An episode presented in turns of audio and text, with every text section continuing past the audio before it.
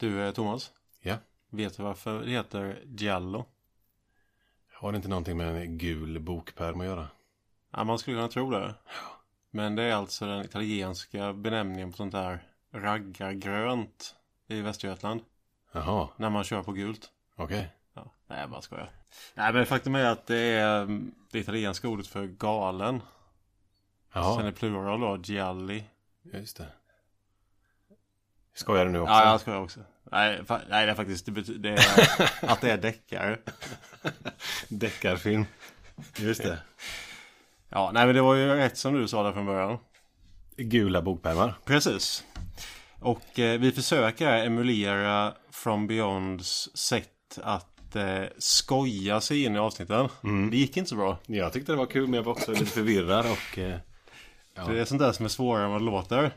Eh, vi heter inte Rickard och David. Jag heter Lars. jag heter Thomas. Vi kommer från Vargtimmen, en mycket snarlik podcast. Det kan man lugnt säga. Vi har bara bytt avsnitt idag. Så vi gör From Beyond. Mm. De sitter någonstans i Västergötland och gör Vargtimmen. På göteborgska hoppas vi. Mm. Eller ja, dialekten kanske vi inte behöver byta. Ja men det, man, det, det, jag har en ny eh, app där så Okej. man bara kör det genom ett filter.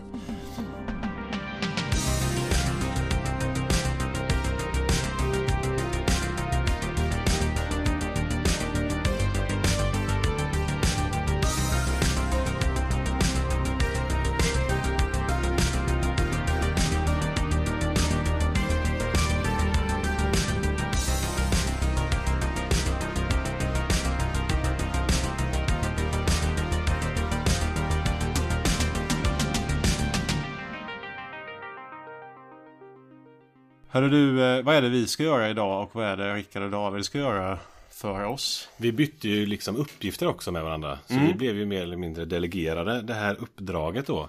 Skönt var det. Ja, och du var ju inne på de här gula grejerna. Och raggargrönt och allt vad det var. Eh, vi ska alltså prata om eh, Giallo-filmer. Och för de här, eh, eller ni From Beyond-lyssnare, så är detta From Beyonds level 3 egentligen. Alltså tredje avsnittet om Giallo-filmer. Ja, Jag är lite mer level 1. verkligen. Jag är inte ens level 1. Nej. Jag är nog på någon sorts pilotnivå tror jag. Men därför tyckte jag det kändes lite extra kul att de sa de här filmerna ska ni prata om. Alltså From Beyonds level 3 Giallo. De här skulle inte vi riktigt ha valt. Ja, ja men jag, jag kan nog ändå se att två av dem hade, jag valt själv. Ja. Kan du, Men, inte, du kan väl flagga för dem då när de Ja, men jag kommer flagga för det. Det kommer också vara i, fullständigt i fokus under samtalet om de filmerna. Eh, vi har ju tänkt lite grann här eh, hur man kan sexa upp det här programformatet på något sätt. Alltså det här som både vi och eh, From Beyond kör med. Att man, man talar om ett antal filmer då i From Beyonds fall eller ett antal filmer och böcker, kanske teaterpjäser i vårt fall. Utifrån ett visst tema, eller en viss genre. Och när det handlar om den här typen av subgenrer som är lite gamla och kanske inte alltid har jättehög kvalitet. Så är det lätt att det blir att man sitter och, och bara sågar grejer. Och liksom snackar skit om hur, hur kastgjort allting är. Så. Ja. Vi ska försöka att undvika det på ett medvetet sätt idag. Vi tillämpar den pedagogiska principen two stars and a wish. Vad har vi på two stars and a wish? Som jag har förstått det så är det väl någon form av lärarprincip som gör att man kan undvika att prata negativt om någons arbete. Och man berömmer och sen säger man "Ja, du kunde också gjort det här lite bättre. Är det så? Mm. Framförallt så ska man då bädda in den eh, eventuellt negativa kritiken i ja. ett, två stycken eh, omgivande mjuka lager av komplimanger. Vår kompis Ian kallar det här för compliment sandwich. Ja. Alltså de trevliga sakerna är bröden. Ja, Men sen är det det viktiga där i mitten egentligen. Ja just Så det. att säga. Och vi ska säga att Rickard och David är ju väldigt bra på det här att hålla sig positiva och glada inför det absolut värsta skräpet eh, skräckfiktionen har att ge. Ja, alltså jag har inte lyssnat på alla deras avsnitt. Jag fastnade för dem eh, på riktigt när jag lyssnade på deras avsnitt om eh, Hongkong action. Alltså sån här eh, Hongkong Blood Opera eller Hongkong Heroic Bloodshed kallas det ibland också. Alltså typ Tarantino fast tio år tidigare och i Hongkong. Väldigt bra avsnitt. Rekommenderas. Jag ska bara säga det också att vill ni lyssna på Rickard och David och liksom eh, verkligen behöver höra dem varannan vecka eller vad det är när de släpper. Då har ju de alltså släppt ett avsnitt om varulvar i våra kanaler. Så då kan man ju bara skriva vargtimmen nästan vart som helst på nätet så hittar ni oss slash dem. Så ni får det också. Vet du någonting om vad de kommer prata om i sitt avsnitt av vår podd? Nej. Vi var ju mer sådär fegade ur där mm. och eh, la över hela den här högen eller vad det innebär med eh, varulvar på dem. Sen mm. fick de göra vad de ville med det. Mm. Så det ska bli kul för oss att höra på också. Mm. Eh, har vi några ingångsvärden som vi kan lyfta så här och kanske pröva oss igenom de här Jallo-filmerna vi ska prata om? Eh, I fråga om vad det här är för typ av filmer. Eller vad vi tror eller tycker. Ja, alltså min förståelse för Giallo innan vi satte oss ner och eh, förberedde det här avsnittet det var ju att det är ganska snaskigt och sexistiskt. Mm. Ganska våldsamt men inte jättevåldsamt. Någon typ av deckare mm. fast eh, med italiensk färg. Mm. Filmer som har hög status i någon sorts nördkultur. Men ja. som inte uppskattas utanför den. Nej, jag tänker att det någonstans är definitionen av kitsch. Jag slänger mig med det ibland. Men det är inte en sån här sak som man väljer att höja eh, lite över vad den egentligen är värd. Man är, man är medveten om att det är en viss typ av skit. Mm. Och så väljer man att se ett visst ett specifikt värde i det. Ja, men jag tänker också att Giallo kan vara en sån här grej som eh, man tycker om för att det är annorlunda. Mm. Alltså det finns ganska många människor som är intresserade av film som har tröttnat på Hollywood-receptet. Mm. Eller ja, tröttnat på mainstream-film. Tycker inte det är kul längre. Då tänker jag att Jallo kan vara en av många ställen man kan gå till för att få någonting som är annorlunda. Mm. Och det kan också ge en viss förståelse till filmer som kommit efter. Mm. Inte minst den här påverkan på slasher-genren. Mm. Alltså att förstå det och se vad det, vad det, hur den har präglats av Jallon är mm. ju intressant. Och även de mer kända italienska regissörernas filmer, Lucio Fulci och Dario Argento. Mm. Vad det, alltså, att se det i någon slags kontext eh, har ju också varit intressant. Jag anar här att vi, eh, vi famlar efter instrumentella kvaliteter i de här filmerna. Mm. Eh, så att det är inte fråga om något omedelbart estetiskt värde alltid. Nej. Utan det kanske är värt att uppleva för att någonting annat. Mm. Vi ska då presentera de här sex filmerna från det som vi tyckte var minst entusiasmerande till det som vi fastnade för mest mm. och ville höja som det bästa. Och alla de här filmerna har förvånande högt betyg på IMDB. För den som bryr sig om sånt då. Ja. Så pass högt tyckte jag när jag kastade ett getöga att jag roade mig med att jämföra och spalta upp lite grann så här. Alltså om den här nu då, som vi ska prata om först, Spasmo mm. från 1974. Om den har 6,2 på IMDB. Mm. Vad kan man då jämföra med för att få lite känsla av liksom hur, hur eh, eventuellt överskattad den här filmen är. Ja, Mama har 6,1 eh, på IMDB. Mm. Det är ändå en okej okay film. Eh, Halloween-remaken. Har också 6,1. Ja, och där är... På tal om hur man bedömer film, för sen kommer ju också Killer Clowns from Outer Space. Mm. Som kanske har 6,1 av samma anledning som Spasmo har 6,1. Och vad är det för anledning? Ja, det vet jag inte. Det är någonstans i den här kitsch, eh, nördkultur höjningen. Jag tror att det, det, är för att det är bara fans som betygsätter de här filmerna. Ja. Det är inga andra fans som hittar dem. Nej. The Dark Knight kommer alla se. Mm. Är det ett rättvisare betyg då? Eh, ja. Mm. Det, det, måste man ändå säga. Halloween-remaken då tänker jag, för den är väl mer Ja, men det är nog också mer, det är inte bara en massa nördar som sitter och betygsätter den. Om det hade varit det, alltså enligt all rim och reson hade den haft högre. Eventuellt. Ja, nej, vi ska inte gå in nej, på men, hur... Nej, men, men det här då. Halloween-remaken eller Spasmo, vilken är den bästa filmen? Svara inte ens. men, vi, eh... Nu halkar vi redan ner i det där kaninhålet av kritik. Och vi är inte sådana där heller. Vi ska ju försöka undvika, vi, vi är lite torrare egentligen än, än eh, Rickard och David brukar vara. Mm. De har lite mer kul och ett, ett lättsamt, glädjefyllt samtal om filmerna. Mm. Och vad det, vi behöver inte hålla på med de här teoretiseringarna och hitta. Vi är lite inom spektrat Som vi säger i mitt yrke. Ja, men skitsamma, Mm. Ja. hoppa på Spasmo. Span- ja. Eh, Rickard och David eh, har, gjorde i sitt förra Jallo-avsnitt också lite sak om att eh, försöka klura ut varför filmen heter som den gör. Mm. Och eh, redan här är det totalt omöjligt. ja, jag fattar inte riktigt vad... Jag vet inte vad en spasmo är för någonting. För det kanske är något helt annat än någonting som har med spasmer att göra. Men den här filmen handlar om en snubbe som blir kär i en tjej och som sen blir förföljd av någon som tycks vilja mörda honom. Det låter som resten av filmerna i princip. Så att det kan vara en tjej som... Ja. Nej, det, det är ju regi här av Umberto Lenzi och det är ju ett namn som man inte kan skoja bort hur som helst. Nej. Han har gjort Eaten Alive, utropstecken. Nightmare City, Cannibal Ferox. Eh, inom loppet av ett drygt år, 1980 till 81. Eh, han måste ju varit på någon sorts kreativ roll där. Det här är då eh, sex år före det. Den här filmen heter Ond Död på tv i Sverige. För den har gått på tv i Sverige. Bara det. Vilket är, ja, jag vet inte vad det tyder på men, men det Det skickar ändå en signal om att det här är, är någonting För mig Då skulle jag vilja säga att den här filmen börjar väldigt, väldigt bra. Mm. Det, alltså, musiken kanske vi kommer till ytterligare. Gör du en sån här compliment sandwich nu? Ja, nu har jag börjat lite bra. grann. Ja men med, med ett av bröden Ett av bröden, ja. Yes. En, en väldigt bra sak. Framförallt då introt.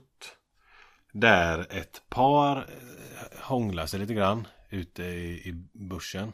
Det ser ut som att det är något nedlagt gammalt kloster eller liknande. Och så hittar de till eh, sin fasa en hängd kvinna där.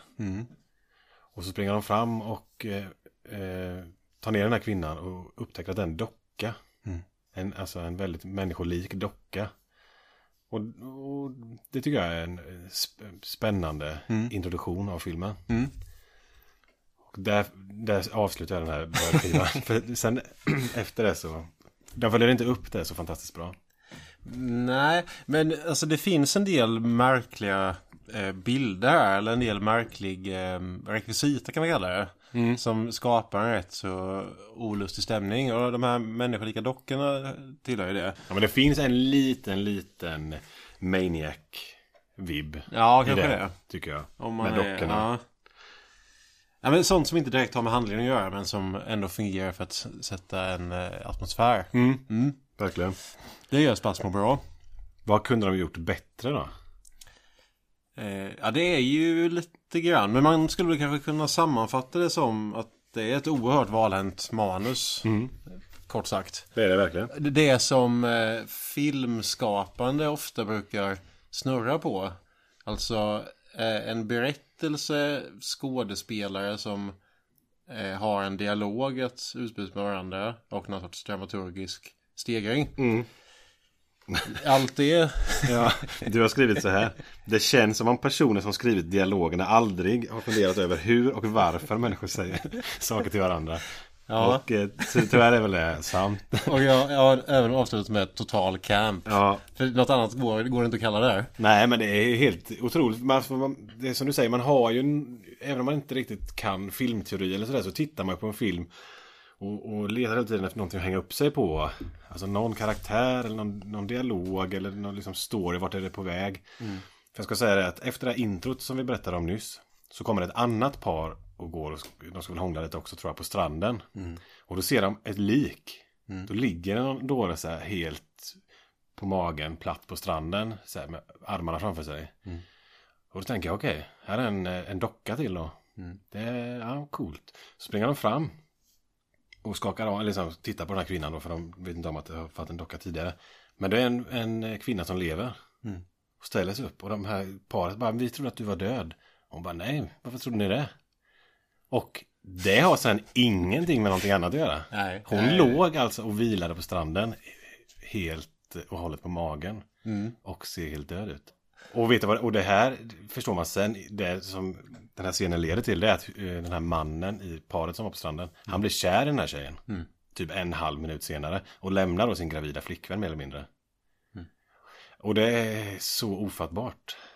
Ja, nej men alltså det är ju det här störda. Alltså nu var det länge sedan jag såg eh, Eaten Alive och Cannibal Fear också. Men jag vill minnas att det här socialt dysfunktionella gör sig påmint där också. Jag tror att Umberto Lenzi var en ganska konstig människa. Ja. Som inte, inte klarade av att skildra mänskliga relationer på ett övertygande sätt överhuvudtaget. Nej, han, han kunde liksom andra grejer. Ja. Nej, men för jag, då letade jag, hon spelade docka. Det finns, hon, hon har någonting med eh, det som, vad som ska hända och göra. Hon kanske ligger bakom. Det är något skumt med den här tjejen. Mm.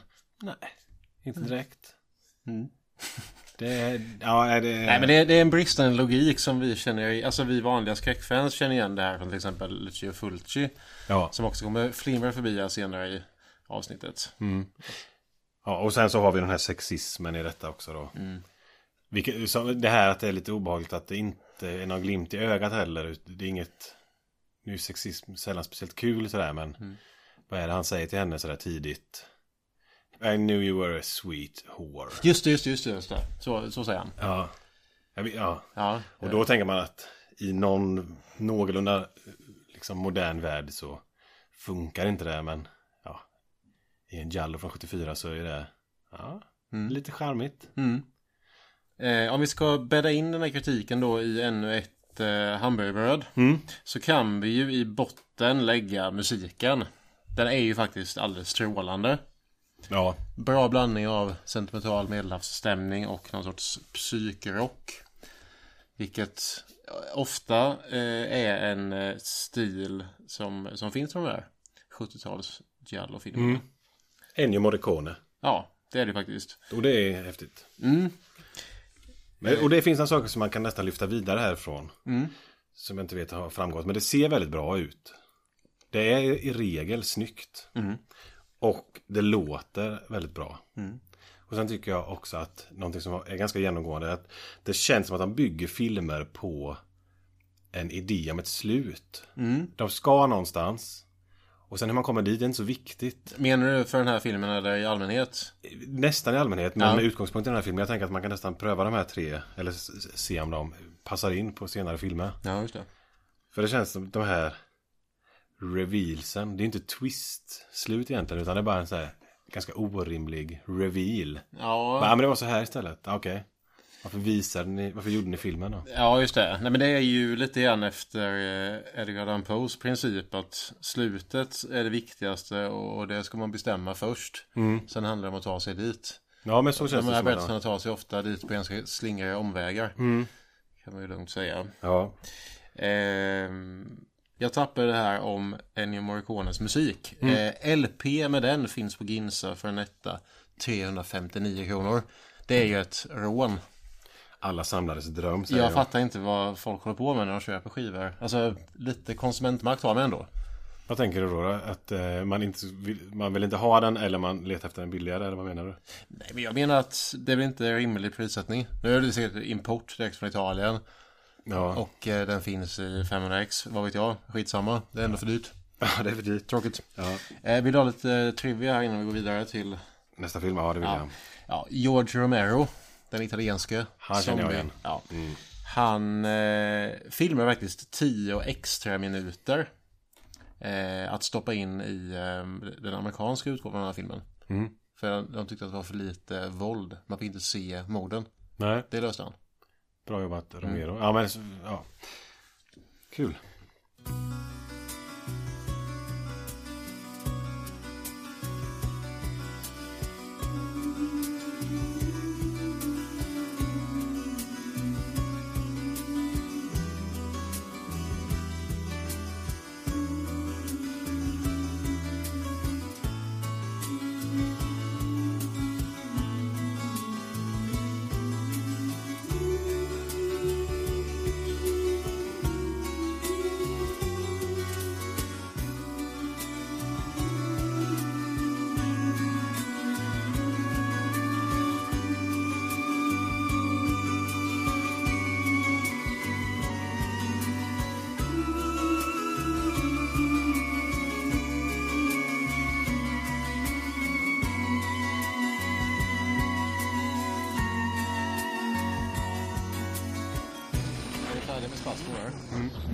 Nunca conheci.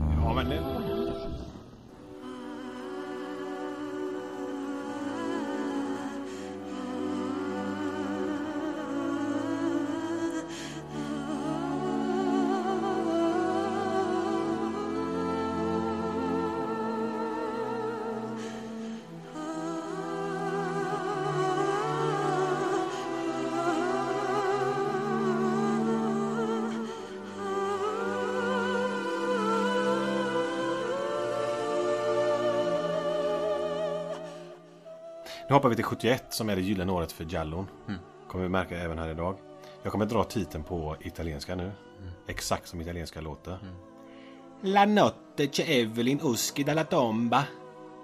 Vad heter den på engelska? The Night Evelyn Came Out of the Grave. Vilket väl är en av världens bästa filmtitlar. Ja, jag, Jag har svårt att komma på en enda som är bättre. nej, men jag var på väg att säga att det var den bästa. Ja, det är så fruktansvärt snyggt. Och jag tror att skulle man översätta det ordagrant på engelska så tror jag det skulle bli eh, The Night Evelyn Left the Tomb.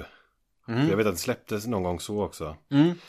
Och det är så intressant tycker jag hur språket funkar och hur saker och ting låter spetsigt och tufft och coolt. Ja, Came Out of the Grave är så otroligt mycket mer hårt och eh, distinkt än Left the Tomb. ja men Came Out, det har ju någon sorts positiv innebörd. Alltså då blir det mer av någonting. Left är ju, ja men det är ju Ja, en det. subtraktion. Ja, Ja, men då svävar man nästan upp. eller Vilket man, ja, det, det, summan är mindre efter att det har hänt. Det låter inte bra. Nej, men så där valde de ju rätt då. Den här filmen tycker vi är bättre än Spasmo. Inte mycket bättre, men eh, kännbart. IMDB-domstolen säger en, en halv poäng sämre. 5,7 har den. Att jämföra med I know what you did last summer. Jaha, Det är en film vi älskar. ja det kan man säga. Vilken tycker du är bäst? The Night Evelyn Came Out of the Grave eller I know what you did last summer? Då är den sistnämnda nästan dubbelt så bra.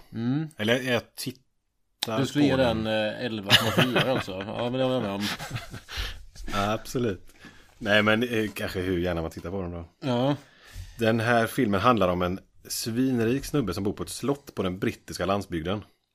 Och han eh, lurar till sig rödhåriga kvinnor som mestadels är prostituerade. Så har han en sån här tortyrkammare inne där på sitt slott där han eh, har ihjäl dem. Jag måste ju ändå säga att jag tycker att han ändå Han är, han är, han har någonting Vad har han? i sin livsstil En dekadens.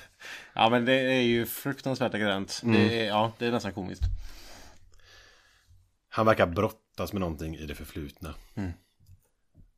På det här slottet eller godset då så finns det lite grannar och lite släkt och lite vänner som, som är med i den här historien. Den första kvinnan som han eh, mördar i sin dungeon Hon ser ut ungefär som en blandning mellan Julianne Moore och Lady Gaga. Okej. Och strippar överkroppen under filmens första 10 minuter Ribban är lagd Ja, det kan man säga. Ribban ligger inte högt i den här filmen men den ligger ändå stadigt. Alltså, den här filmen har en helt annan estetisk finess skulle jag säga än Spasmo om man ska jämföra där. Alltså det här, eh, man säger, gravens äckliga skönhet, dödens mysterier och så vidare. Eh, passionens eh, besatthet och så vidare. Alltså det, det är ganska starka grejer här, ganska tjusigt där Ja, dekadent. Ja, men det, mm, det finns någonting här. Alltså den här eh, personen som har regisserat här, han heter Emilio Miraglia.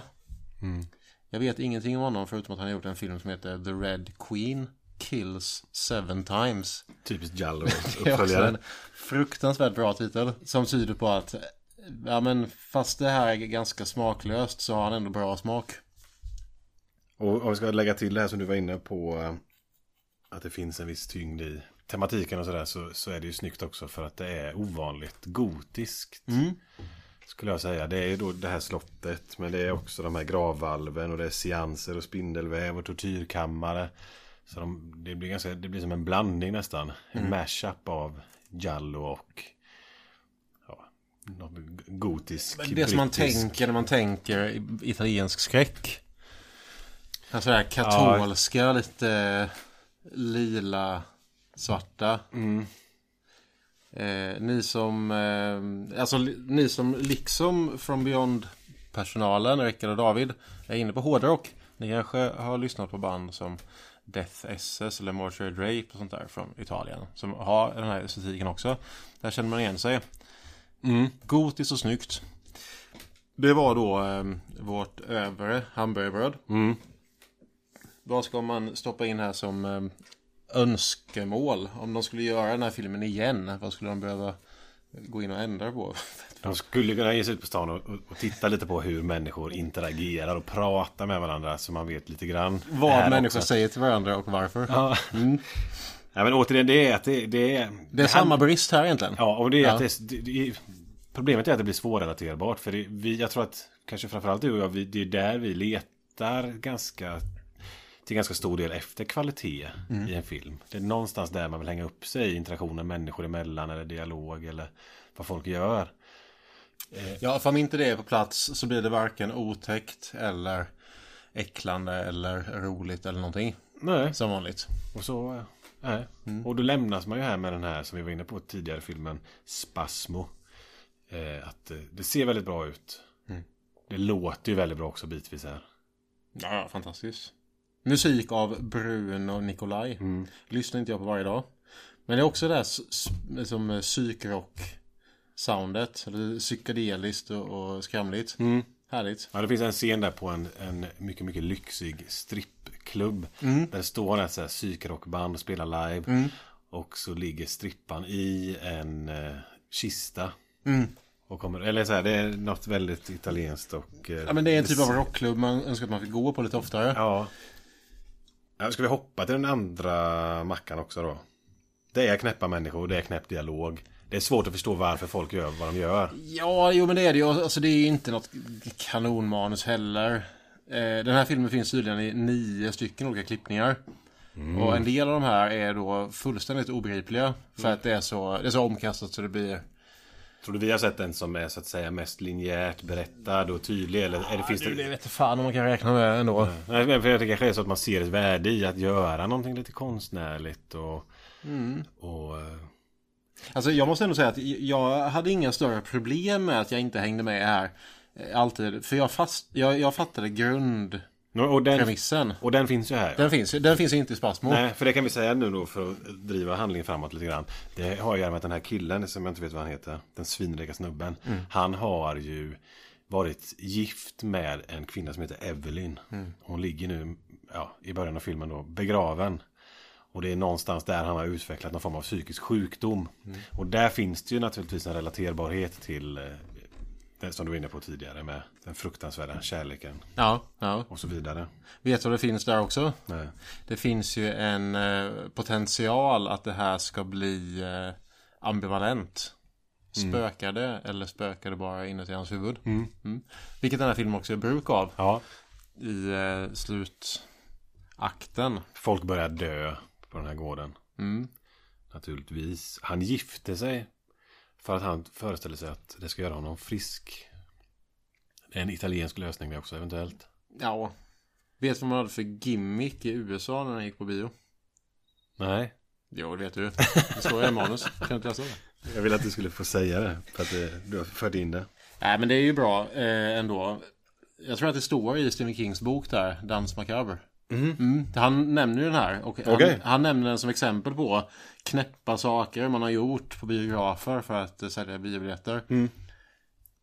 Av sådana filmer som inte säljer biljetter själva, så att säga. Ja, för det så känns det. Jag tänker på den här titeln på Spasmo där. Ond död i Sverige. Det är också när man, man försöker höja insatsen något. Ja, men de har väl sett Evil Dead i videobutiken. Ja, det där lät jävligt tufft. Ja, det kommer ju några år senare i och för sig. Nej, men jag, jag tror att den här kom nog inte till Sverige förrän... Eh, Ja, okej, när den gick på tv i Sverige då. Nej, alltså det, det måste ju suttit ganska långt innan och Ja, det sända den typen av filmer på tv. sjut- i- på Ja, det är sant. 70-talet. Ja, Just det, just det. Nej, men man, man serverade bloodcorn. Alltså popcorn som var rödfärgade. Klockrent. Mm. Jag har inga problem med det. Förstår inte varför man inte gör det oftare. Nej. Jag var inne på de här tre sakerna innan. Det ser bra ut, det låter bra. Och sen så berättar man en historia för att man tycker att man har en härlig knorr på slutet. Så är det ju här också. Och det är det som är botten av brödet. Ja. Ah. Ja, jag tror att du är lite mer positiv till det här än jag. Jag blir, för det, det fanns ju någonting att göra bruk av här i fråga om Evelyn och graven och det Ja, men det gör man väl? Fattar inte jag det riktigt då kanske. Nej, jag, jag, inte, jag, jag kan inte återge det slutet så här och ner. Det har jag ingen som helst intresse av att försöka med heller. Jag, Men det spelar ingen roll. Alltså det är ju ändå gött när det, när det är fullt blås i slutet. Det måste jag ändå säga. Alltså jag, Jag har nog lite novell... Eh, alltså min hjärna är programmerad eh, utifrån alltså Stephen Kings och Edgar Allan Poes noveller. För er som inte vet så är Lasse litteraturvetare och Ja, lärare. men framförallt så läste jag ganska mycket på så här skräck på högstadiet. Ja. Och lärde mig hur novell bör fungera för att vara bra och så vidare. Och då är det det där. Det ska vända i slutet. Och det ska vara Mm. Jo men jag tycker, för det det som jag tycker på något sätt är en skillnad mellan en twist och en reveal. Mm. Ja, det vet jag inte liksom vad skillnaden är, men jag vill att det som avslöjas på slutet ska, ska ha mer bäring i, i filmen tidigare. Så, aha, nu blir det bara, jaha ni trodde att det var det, nej det var inte det, det var det här. Ja, men jag tror att det du kanske kan säga om det här är att eh, en twist, ja men då ändrar man premissen. Ja, just det. Så att det, det grundläggande för givet tagna riktiga ersätts av någonting annat. Men då borde jag ju gilla en reveal egentligen. Men en reveal är ju bara att eh, ja, men den här informationen saknades. En twist är ju mer att informationen tidigare var helt fel. Ja, men för då skulle jag säga att det här är reveals, fast de är värdelösa. Ja. Jag, jag tycker ändå att den här är Alltså på alla sätt bättre än Spasmo. Det, är- Håller med. det är nästan alla Ja. filmer i världen. Om vi pratar om, eh, om vi skulle försöka förstå vad titlarna gick ut på. Ja. Här är det inte så svårt. Nej men det är tydligt. Ja. Det är lite atypiskt för eh, Giallo. Finns inga djur med heller eller? Fast det finns ju en eh, elegant kvinna här, det hör man ju. Evelyn som kommer ut ur graven. Mm. Är det något naket i den här eller? Ja det är väl nästan bara naket. Det är ganska mycket naket. ja. Och det är det här, det, det, det är en, som jag tänker är överflyttat till slashen också. Det är också en produkt av det här. Alltså det är den här, alltså ganska tydligt sexistiska nakenheten. Alltså verkligen eh, objektifiera kvinnan och sådär. Å andra sidan så är det här tidigt 70-tal. Det är nästan så att det fanns inte sexism på den här tiden. det. Det var, bara, det var ungefär- som med, med LSD. Det är liksom bara att blåsa på. Mm. Det var nyttigt att röka också allting. är. Vi lämnar världens kanske absolut bästa titel. Vi lämnar.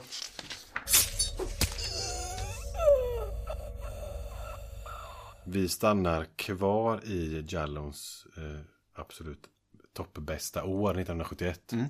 Jag tänkte skulle säga, vi stannar kvar i Italien. Ja, det gör vi också. Jag tar den på italienska den här också då. La morte cammina con i tacci alti. För mig är den maträtt som är ganska god. Ja. Lite pesto på toppen och sådär. Vad heter den här på engelska då? Death Walks on High Heels. Och om inte jag är helt eh, missinformerad så är detta andra delen i en tänkt trilogi. Som antagligen sitter ihop mycket löst. Inte, ja, precis. En Giallo-trilogi. Det, Alltså samma person har gjort tre filmer som eh, sorteras in i samma kategori. Lucio Fulci, Gates of Hell-trilogin. Ja, ungefär så löst föreställer jag mig att det mm. ihop. Eh, The Forbidden Photos of a Lady Above Suspicion heter första delen. Och sen Death Walks at Midnight. 1972 är tredje delen. Death Walks at Midnight är en bra titel. Det är det verkligen. Han som har gjort den här heter Luciano Ercoli. Han har mest jobbat som producent. Det, det vet jag. Han producerade bland annat den här Fantomas från 1964. Yes. Som det här eh, rockbandet med sångaren från Faith No More är med i. Han sjunger och sådär. Det var en stor upplevelse för dig när vi såg dem live i Roskilde. En av de bättre livespelningsupplevelserna. Jag tror inte att jag har garvat så mycket som eh, den natten. Nej, Nej, för att vi... eh, Ja, nej det är... Ah, det är helt meningslöst att berätta om. Det är inte roligt i vi efterhand. är i From Beyond också nu så det är ingen som... Det är ingen som bryr sig. Nej. Nej, den här filmen i alla fall, Death Walks on High Heels. Den handlar om en kvinna som jobbar som strippa i Paris, såklart. Eh, hon blir förföljd av en blåögd mördare. Alltså faktiskt blåögd. Eh, som tror att hon har gömt sin mördade fars diamanter. Och farsgubben han stryker med där i en ett tågmord i filmens inledningsscener. Om det här låter rörigt så är det helt korrekt uppfattat. Man fattar nästan ingenting till slut. Eh, hon sticker till London och sen vidare till den brittiska landsbygden med en rik äldre herre. Och snart börjar de umgås med planer på att giftas med varandra. Bara det- De här relationsuppbyggnaderna är Nej, det, det, det här är helt klart en...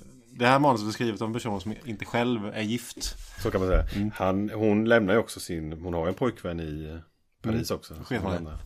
Eh, Den här har alltså 6,6 på IMDB. Det är helt jävla sjukt om man jämför med Candyman, Drag Me To Hell. Elm Street 3. Fredag den 13. Har alltså 6,5. Lite, lite sämre än den här. Nej men det är, det är trams. Den här fantastiska uppföljaren till Halloween som kom i höstas. Den är då 6,7. Så den är snäppet bättre här. Eh, tackar vi eh, den upplysta allmänheten för. Jag ska ta och plocka fram en sån här god macka då. Mm. Ena brödet. Den här sandwichen. Och det har du varit inne på. Det finns någonting väldigt, väldigt härligt europeiskt. I en italiensk producerad film. Som utspelar sig i Paris. Check. Och den brittiska landsbygden. Check. Inspelad i Spanien. Precis, alltså den som har varit på den brittiska landsbygden inser att sådär ser det inte alls ut vanligtvis. Nej. Men de är också i London och det, det måste de ha spelat in on location. Ja. Om de inte har byggt världens dyraste. Nej, men för de har ju ändå fått till i Paris också. Jag, kan inte riktigt avgöra om det är Paris. Men det är ändå den känslan som man föreställer sig att Paris eh, Du menar ingav med 1971. divaner och rött ljus? Ja. Ja. ja, det är många långa sådana här strippscener med den här huvudrollsinnehaverskan. Ja. Jo men det får man säga. Alltså det är nästan fråga om någon sorts best of tidigt 70-tal här. Så här, hur, hur, hur mådde den kontinentala kulturen 1971? Ja men den mådde ungefär så här. Alldeles utmärkt. Eh, man kan semestra på, på eh, någon sorts engelsk riviera som inte existerar i verkligheten. Åk till Paris och porrklubb och Ja. allt är ganska frid och fröjd. Jo men det är härligt. Vad, vad finns det för svagheter där om vi ska gå på önskemålen inför eh, remaken? ja, då kortar man ju ner den för det första. Den är, den är alldeles Och nu lång. handlar det om att korta ner första halvan av filmen. För den är, har en fullständigt bedrövlig pacing. Ja. Sen är det sådana saker som jag tycker är lite svårare eh, att eh, veta vad man ska göra åt. Men den är inte så här intresseväckande. Alltså någonstans måste väl tanken vara att den här stackars strippan. Henne måste jag investera någon form av känsla i för att hon är minsann utsatt för något hot och hon försöker slå sig fri från sitt gamla liv eller vad det nu är. Inget sånt känner jag. Nej, det gör man ju inte. Men det är också svårt. Alltså, vem bryr sig om... Alltså hon är någon sorts eh, maffiadotter kan man jämföra med. Alltså hon är ju barn till en sån här småfifflande gubbjävel som handlar med diamanter. Ja. Det är ju helt omöjligt att uppamma någon som helst sympati för varken henne eller gubben. Ja, och hon känns väl också lite, hon känns ju som en sån person också. En lycksökande, Ja, oärlig, ja. Det är inget vidare. Sen så skulle jag ju säga, sen nu kanske det blir lite en helt annan sida av saken här då, men en, en annan grej här som har med det här strippklubbsupplägget att göra. Det är att det är dels en del opassande komik i den här filmen. Mm. Så, som krockar på ett ganska osmidigt sätt med de här mjukporrambitionerna som finns. Alltså det här är en film som vill vara både sexig och rolig. Den blir varken eller. För att de två tar ut varandra. Ja, ja, på ett sätt och vis är jag positiv inför det här också. Den här spelar ju, den här försöker göra någonting. Den är inte, det är inte, det är inte så mycket naket i den här. Nej. Egentligen. Det här, det här försöker de nästan göra någonting lite mer konstnärligt av det där. Ja, man kanske skulle kunna säga smakfullt, det vet jag inte. Men visst är det inte det? Nej, jag tror att man, nej, men det, det, det, det, är inte den här eh, The Night Evelyn Came Out of the Grave eh, Slow motion Nakenspringet och sånt där Här är det ju någonting annat Men, och sen så tycker jag för någonting som slog Men det finns en komik här som sagt Och jag blev lite lättare av den För att det finns någonting i de här Jallo-filmerna också Det är så, det är så, man tar sig på för stort allvar Ja, vilket de inte har intäkt för ofta. Nej, och jag menar att skoja lite åtminstone. Eller så är det så att de skojar så inte jag förstår det. Men här var det ganska tydlig så här, lite brittisk slapstick-humor. En, en polis som tycker, vad fan är det, om kaffet är äckligt eller om man inte får något. Han får aldrig dricka, han blir avbruten hela tiden. Så där. Det är inte askul. Nej, det är inte askul är det inte. Men jag tyckte att det var skönt att se att man vågade skoja lite grann i den här typen av... Det är ganska det är pretentiöst över de flesta av de här filmerna. Och sen är det en eh, kvinnlig polis som heter Penny Packer. Och de säger hennes namn säkert 20 gånger. Jag undrar om de, de tänker att Penny Packer det låter lite ekivokt. Och, Som hon är någon sorts hora där som går kring i polisuniform. Nej, jag vet inte. Nej, det, det var Det kan vara du som konstigt. Ja. Ja. Nej men det, den viktigaste svagheten här det är väl att, att det är alldeles för segt i början och kanske lite för långt. Sen händer det extremt mycket i slutet. Och och om man nu inte är så förtjust i, i twister eller olika dramatiska reveals. Ja, men då kommer jag sitta och koka i, borten 25-30 minuter. Mm. För det, det går ju ett där under filmens sista tredjedel. Ja. Man kan ju, alltså, man kan ju vända det här, alltså att det, att det är lite opassande komiskt. Man kan ju vända det till en kvalitet. Ja. Ja, om man eh, vill, vill eh, vara på det humöret. Gjorde jag inte det då? Ja, men jag vet inte om vi fick fram det så pass tydligt. För om vi säger eh, Nakna Pistolen-filmerna. Mm. Nu, nu driver de ju med dödligt vapen och sånt där också. Mm. Men, men det finns ju, alltså i alla de filmerna så finns det ju de här eh, alltså patetiskt emotionella sex och kärleksscenerna. Mm. Med jättemycket Ja, ja. musik. Alltså, och, och det här, I den här filmen så finns det en sån scen. Alltså det är ju rena Leslie Nielsen Ja, ja, men- nivån. När ja. han sitter där och äter fisk med händerna. Det är så jävla dåligt. Men, och det är ju den ofrivilliga humorn. Ja, Så det är inte, det här är ju det är, det är kul för att det är så otroligt bristande självinsikt. Eller så är det så att vi är uppväxta senare med den här typen av filmer som du pratar om. Hotshots tänkte jag på också på. När man har tagit den här typen av ultra, ultra, ultra smörigt och utdraget. Alltså det här är någon form av original i fråga om den typen av scener. Och det här är liksom ännu smörigare än man lyckas få till i typ hotshots här. ja visst. Den musiken och att de bara sitter så här och, och trycker i sig en grillad fisk med händerna så här stirrar på varandra så ska det vara lite sexigt. Det är... Och att de så här eh, blinkar lite grann liksom. Spelar med ögonbrynen. För att typ Länge. vill, vill du också Ja. ligga med mig sen eller? Jag ska bara äta upp fisken först med händerna. ja. Men, men sen måste man ändå säga, nu, nu har vi pratat om Spasm och The Night Evelyn Came Out of the Grave. Det är sannolikt inga filmhantverksmässiga underverk. Men den här har ju faktiskt lite gammeldags alltså filmskapande, alltså någon sorts hantverk i botten. Vettig dialog, vettigt manus, fint foto.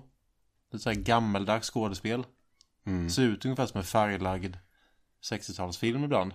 Ja. Det är något matt över färgerna och. Precis. Och när du säger vettigt och allt det du sa, då skulle jag säga näst, jag skulle vilja säga vettigare dialog, vettigare manus. Okej, bra. Mm. Än de tidigare. Ja. Mm. Du fick det nästan låta som Psycho. Ja, fast Psycho är inte ett, det är inte ett vettigt manus. Det är ju genial är- briljans rakt igenom. Psycho är helt klart vettig. Nej men det, det...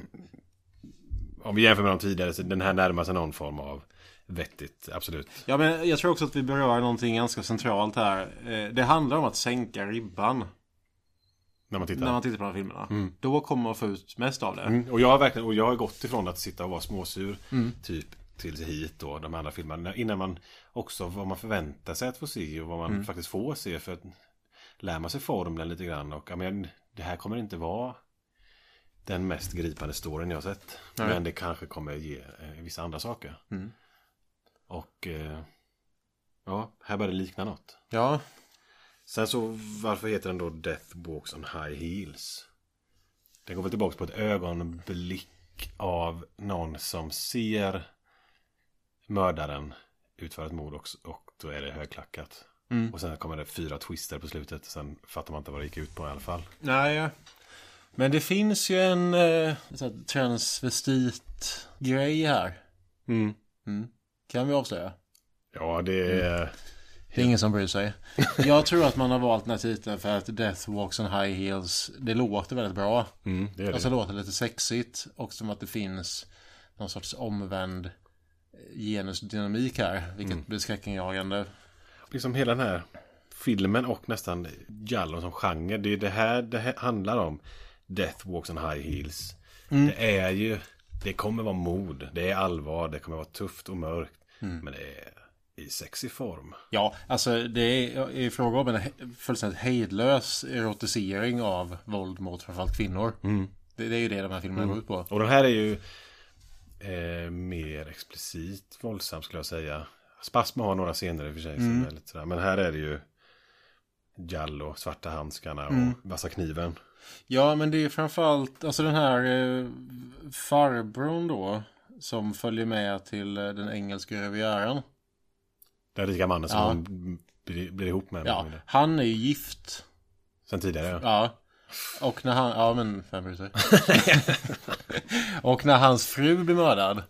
Då är det ju väldigt... Eh, Ja, precis, det Det, var- det, det är ju s- faktiskt ganska starkt. Det är ju väldigt sadistiskt. Det är en säng också. Men du, jag tänkte på det här också, för du har sagt till mig en gång i fråga om litteratur att det finns något som heter fokalisering. Ja. Där man tar en eh, persons eh, perspektiv och så måste man hålla sig till det. På sätt och vis. Kan man prata om det i fråga om film på ett relevant sätt? Eh, Ja, eh, alltså jag är säker på att det finns ett annat begrepp för det inom filmen. Men låt oss använda fokalisering. Alltså jag utgår från att du tänker att när man tittar på den här filmen då tänker man att eh, dottern till diamanttjuven huvudpersonen. Och sen så händer någonting som gör att det blir konstigt. Ja.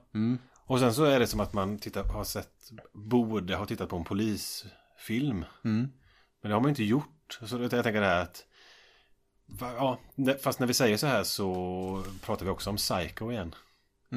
Och då är det tillåtet naturligtvis. Men det, det finns något som blir lite skevt där för man vet inte Ja just det, men man det är en psycho-grej. Så kan Ja. man se det. Då, då blir det mycket lättare att svälja. Faktiskt. Eh, Death Walks on High Heels, den är, eh, den är en riktigt härlig Jallo-film. Jag tycker att den är mycket bättre än Candyman.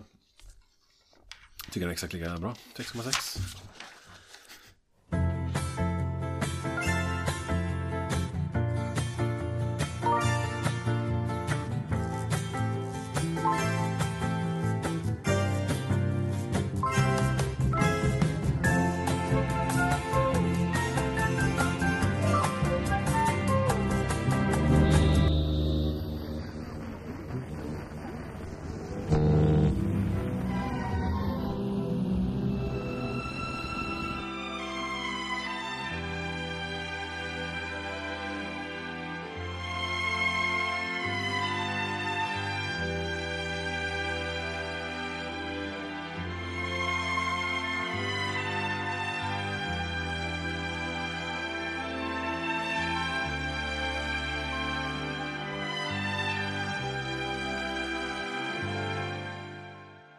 Nu kommer han du.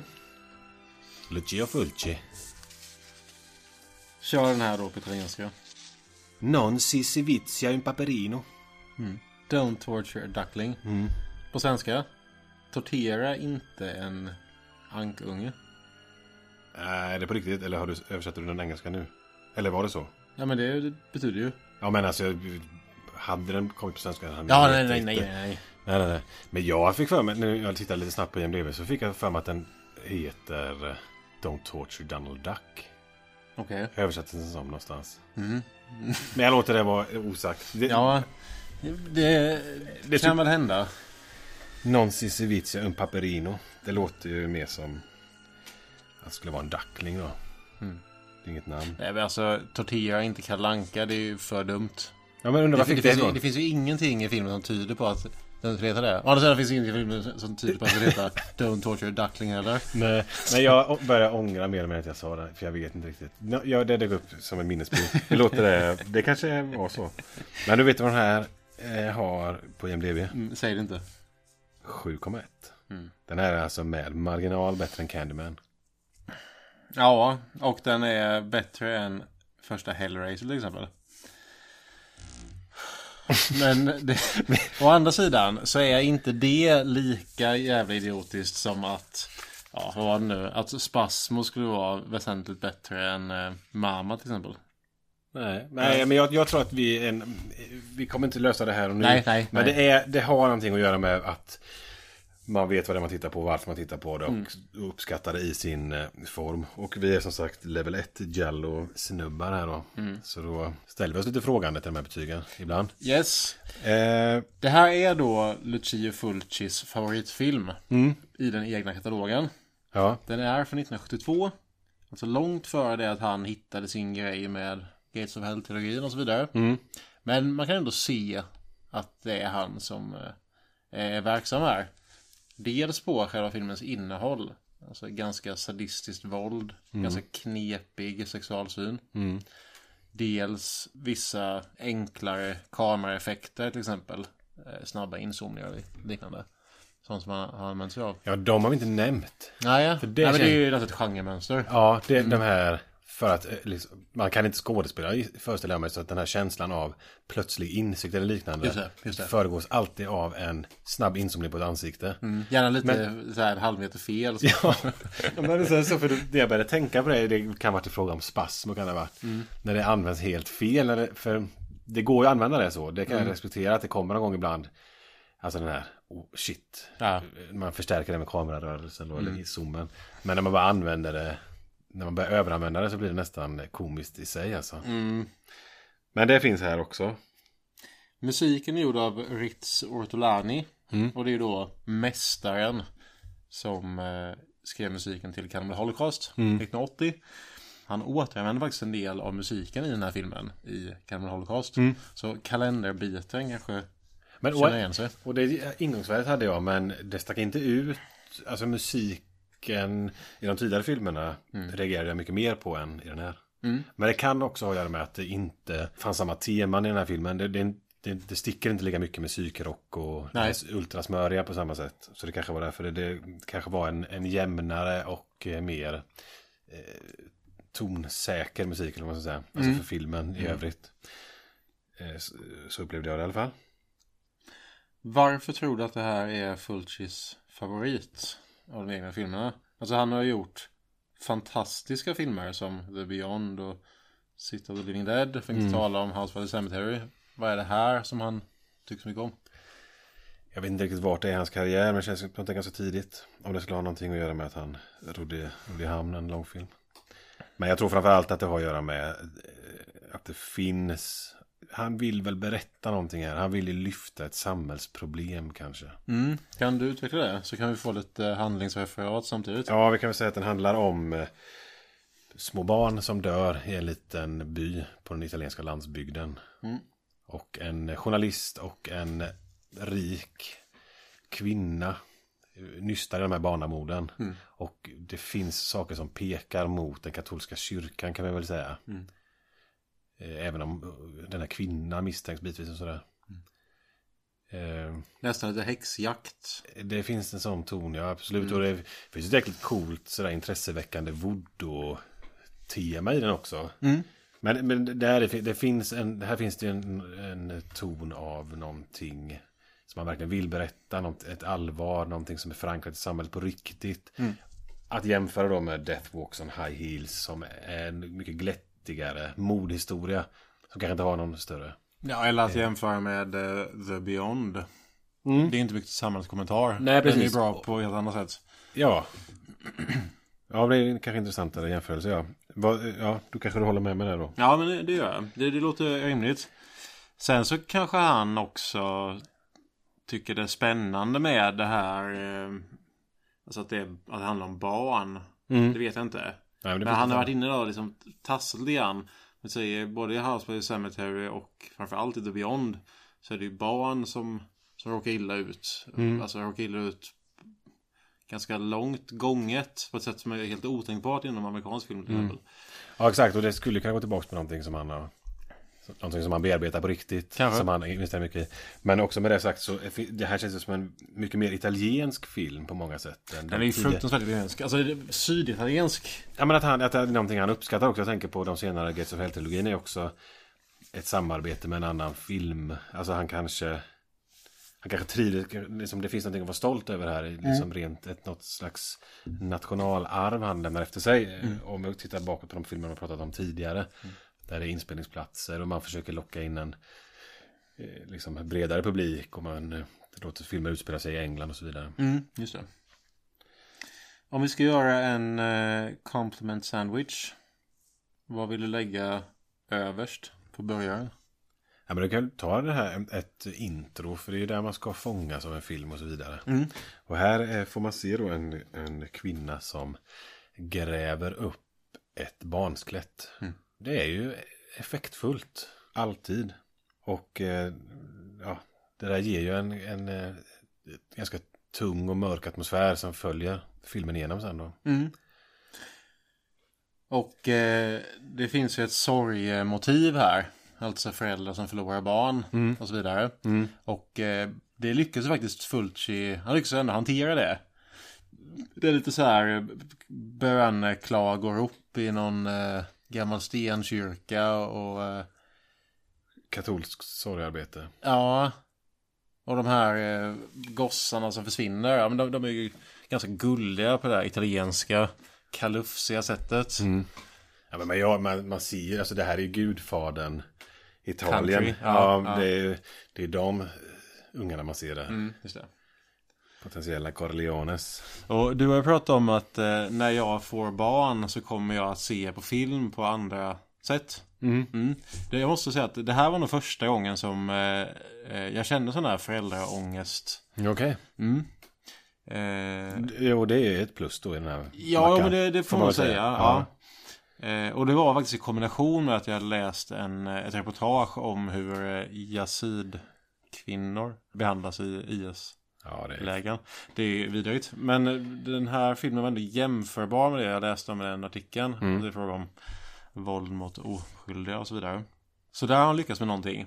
Sen så skulle jag ju säga, om man alltså pekar ut någonting negativt. Det måste vi. Ja. Någonting som gick att göra bättre. Någonting som vi kan önska till nästa gång. ja. ja, men alltså då finns det ju något quasi-pedofilt.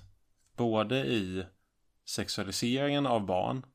I den här filmen. Mm. Alltså till exempel scenen den där Ja, den snygga kvinnan Halvt förför den lilla gossen Det är inte så jävla halvt nästan. Ja. Nej men så här liksom sexar upp honom Mm. Och han är kanske åtta eh, Det är inte lugnt Mm. Och sen Det förnedrande våldet mot barn Mm. Det finns också någonting sexuellt i det Det är ganska svårt att titta på Det är en ganska konstig sorts underhållning om man ska kalla det Ja. Till exempel den här Point of view-strypningen Ja, det... Alltså av en typ 10-årig pojke.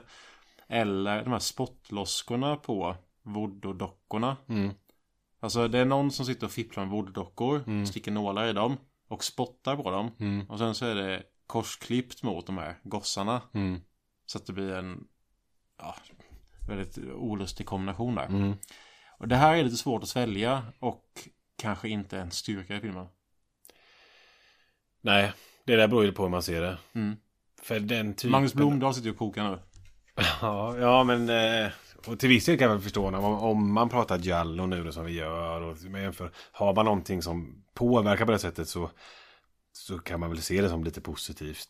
Mm, det är det här man, om man kan backa upp den typen av skildringar med någonting tänkvärt. Liksom att man, att man har någonting som följer på det. Och det kanske inte riktigt finns här då. Så därför kanske det blir en viss typ av smaklöshet också då. Som du reagerar på. Ja, och jag tänker också att ifall man ska skildra någonting sånt här i till exempel en film. Ja, men då är det av godo ifall det finns någon karaktär. Eller om det finns någon sorts etos i filmen som på något vis tar ansvar för eller förbarmar sig över. Alltså de utsatta. Det måste finnas att balansera. Ja. Om vi säger Seven, ja men det är en fruktansvärd skildring av sadistiskt våld. Ja men då har vi Morgan Freeman och Brad Pitt som gör en väldigt god insats i att liksom förbarma sig över offren. Så att filmen inte bara blir nattsvart utan det finns någonting som Ja. tar emot fallet. Ja, här får man lite känsla av att det det inte är av goda de här människorna. Det är mer av nyfikenhet om... Ja, att Lucio Fulci som vanligt är lite för intresserad av förnedrande våld. För att eh, hantera det där. ja, men visst. Ja, det blir väldigt moraliskt här nu, men, men så tänkte jag. Alltså, det, annars är ju ganska mycket i den här filmen eh, rätt så bra. Och nu har vi sagt en massa bra saker. Alltså tung öppning, Ja, film som säger någonting, intressehöjande med voodoo och så vidare. Men alltså återigen, den har ju det här kontrasterande i musiksättningen. Alltså ganska eh, vacker och eh, sentimental och harmonisk musik mot gräsliga bilder då. Och, och höjdpunkten i det här avseendet får ändå anses vara när den här misstänkliggjorda kvinnan då, eller häxan blir ihjälslagen. Eller när prästen faller mot sin död i slutet. Det är helt enkelt mycket italienskt. Ja, men och det kan man ju uppskatta. Det var ju ett händelserikt och maxat slut. Ja, det är Alltså, eh, helt grymt. Ja, så Grymt. man kan lyfta slutet som sådant Ja, du menar så, just det. Ja, Ja, ja, alltså men det är bra ös på akt 3. Ja, för då har vi också bra öppning, bra slut. Mm. Två fina mackor. Mm. Fint. Avslutningsvis kan vi bara säga att den här upplevde stora motgångar i Europa Europa bland annat för att den hade den här kritiken mot katolska kyrkan. Just det. Som det upplevdes. Vilket också då får bli lite pluspoäng ändå att man eh, i en Giallo-film från 72 lyckas skaka om. Någonting. Med en amoralisk idiot som Lucia Fulci vid rodret. Mm. Hatar du Lucio Fulci eller? Jag har kluvna känslor. Ja. Jag inser att han antagligen var en eh, extremt sunkig människa. Mm. Sen älskar jag ju vissa av hans filmer. Mm. Tycker att vissa av hans filmer är bedrövligt smörja. Ja. Men det var det. Ja men det låter som en Ah, helt nej, men det är en sån här idoliserad gammal gubbjävel som... Ja, men jag tror att jag har fastnat, stannat där. Jag bara tänker att ja, men eh, The Beyond är skitbra. Mm. House by the Cemetery är, är rätt bra. Mm. Och City of the Living Dead är... Men är- The Beyond innehåller också en slow motion effekt av en eh, tioårig flicka som blir skjuten i huvudet. Det är ju Ja, ja. det är en konstig eh, sak att lägga sitt eh, livs kreativa energi på. Ja, absolut. Men jag bara menar att jag egentligen inte har gått vidare och reflekterat över saken överhuvudtaget. Nej, Utan så nej. här, ja, men det är en sån här barndomsregissör som man bara gillar. Men det kanske är rimligt då att eh, så här i vuxen ålder reflektera lite över vilka man idoliserar. ja men det, är- det behöver jag göra mer känner jag. Ja, absolut. Säg den italienska titeln då på nästa rulle. Lo strano vizio della signora Ward. ja, det är oväntat med ett engelskt namn i slutet. Ja, det blir svårt. Senior och allt. Den här filmen hette Blade of the Ripper i vissa länder. Men jag måste säga att jag föredrar den eh, mer bokstavstrogna översättningen The Strange Vice av Mrs Ward. Mm. Fruktansvärt bra titel. Mm. Hon har liksom en, en lite konstig last. Fast hon är en gift kvinna. Ja. Det är sexigt. Ja. Jag tänkte, jag reflekterar nu över vad den tiden går tillbaka på. Men det är den här hennes eh, sexualitet. Jajamensan. Mörkas, ja, det, just det. Eh, Vice betyder ju last, Ja. kan man säga. Någonting som man tycker om att göra fast den andra lite grann rynkar på näsan åt det. Just det. Ja, men det är inte så orimlig titel heller. Ja, inte det minsta. Det är väl utmärkt. Det är Men det- ovanligt välfunnet att vara Giallo. Ja, samtidigt som... Ja, det finns ju något otroligt sunkigt med... Ja, jag vet inte om jag kan gå in på det riktigt. Men det, hon blir mer eller mindre våldtagen och så ska filmen skildra att hon gillar det egentligen. Det här handlar om en ambassadör. hon är, hon är, nu, nu måste vi hålla två saker i huvudet samtidigt där. Det kommer jag absolut inte göra. Nej. Nej, men om vi jämför här med Don't Watch Your Duckling. Hon är ju en, en vuxen människa som eh, av egen fri vilja liksom har, har knullat runt med ärr på kroppen, så att säga. Medan Ja, de här men- go- gossarna i Don't Watch Your Duckling, Jo, men jag skulle inte argumentera för att de, att de gillar det. det, tror jag nog. Ja, men då, det finns en, det, ja, men jag tycker det är lite orättvis jämförelse. Men visst, jag förstår vad du... Eh, men om man, om man, så, om man så spetsar till det. Ja, det här handlar om en ambassadörsfru i Schweiz. Det här europeiska finns då. Eh, som börjar misstänka att någon av hennes man, ex eller pojkvän är en seriemördare. Som härjar här då, som är med i tidningen. Och, Nämnde vi att hon var något av en runtknullare? ja, det sa det för, Ja. i förbifarten. Eh, hon har ställt till det för sig här då kan man ju tycka. Ska vi riva av det här som de kunde gjort bättre? eller gjort, gjort modernare? Alltså, jag vet inte riktigt om vi... Ja, men ska, vi inte göra vår macka? Jo, det- kan jo, kan vi det- inte säga först att eh, regissören heter Sergio Martini. Ja, absolut. Och han är en mycket produktiv regissör med viss fallenhet för titlar. Ja, men Eller vad säger du om de här exemplen? The Case of the Scorpion Tail. ja, den är ju usel i. Nej. Eller den här. Det här är värd... Nej, Jag tar tillbaka, jag tar tillbaka det innan. Eh, the Night Evelyn Came Out of the Grave är inte världens bästa titel. Det är den här. Your vice is a locked room and only I have the key. Det blir inte bättre. Den är precis på gränsen mellan genialisk och helt idiotisk. Sen har vi 1976 års Sex with a Smile. Där har vi den. Världens bästa film. innebär det att man liksom har sex med ett leende? Eller innebär det att man liksom man, man sätter på själva leendet? Det vet vi inte. Eh, han har även varit inne och dassat sig med kannibalgenren. Mountain of the Cannibal God. Ja, men den har vi pratat om i vargtimmen. Det är inte en titel man skämtar bort. Nej. The Scorpion with Two Tails. Låter fantastiskt. Eh, vad säger du om det här då? Eh, 2019 After the Fall of New York. Det funkar inte. Punkar. Om, exakt, men det finns någonting. Är det inte slutet på filmen som är, är drivande för, för storyn så är det titeln då. Alltså nå, någonting av dem bygger filmen. Eventuellt båda. Men inte själva innehållet så ofta. Den här filmen har 7,0 på IMDB. Den är alltså exakt lika bra som Hellraiser. Och The Cabin in the Woods. Ja men The Cabin in the Woods, då säger jag, det är taj på de två. Ja, det kan man säga faktiskt. Ja, Ja. det håller jag med om. Hellraiser är ju givetvis överlägsen, men, men den är också bättre än de allra flesta skräckfilmer som har gjorts. Ja.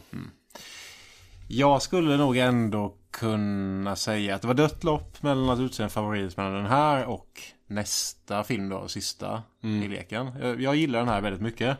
Och jag gillar den här av helt fel anledningar. Eh, det är inte politiskt korrekt att vara så här förtjust i den här filmen. Nej. Men det är jag. Ja. Eh, jag gillar den bland annat för att eh, den innehåller ett ganska långt taget sexualmotiv. Alltså det, det här är en film som verkligen går till botten med den här huvudpersonens vice. Och eh, ja, försöker göra någonting ganska djuplodande av eh, det här som alla tänker mycket på men ingen riktigt låtsas om. Man kommer inte ifrån att det är väldigt engagerande. Nej, men jag, kan, jag håller med dig i det faktiskt här. Titeln lovar inget den inte infriar. Nej. Men samtidigt så finns det då det här som de kunde... Det, det är någonting väldigt misogynt. Alltså det är något väldigt sexistiskt. Yes. Och det är väl... Det, det det är ju nästan ofrånkomligt. Det är som du sa innan där att det, det fanns inte sexism 71 i Italien. Förutom den här filmen. Den här startade där. Nej men man kan väl säga att om vi ska hålla oss med den här eh, nä, nästan eh, dekadenta, kontrastrika språkstilen som de här filmernas titlar rör sig med. Så kan man säga att eh, sexismen är den här filmens svaghet och styrka. Sexualmotivet är det som gör den här filmen intressant men också det som är lättast att kritisera och se något negativt i. Samtidigt som man tar just eh, liksom en kvinnlig sexualitet och försöker faktiskt göra någonting med den. Vilket i så fall skulle ta bort lite från det här tydligt sexistiska. Vilket de inte riktigt lyckas. När jag menar jämför med The Night Evelyn Came Out of the Grave eller sånt där. Det, där handlar det bara om att visa naket. Ja. Det, finns inget, det finns inget innehåll i det. Eller sådär. Nej. Här gör man ändå en viss poäng av det. Jag, jag tror vi, tycker- vi, vi måste nog komma lite grann till botten med. Alltså vad är det, det mycket sexuella här och på vad sätt är det problematiskt?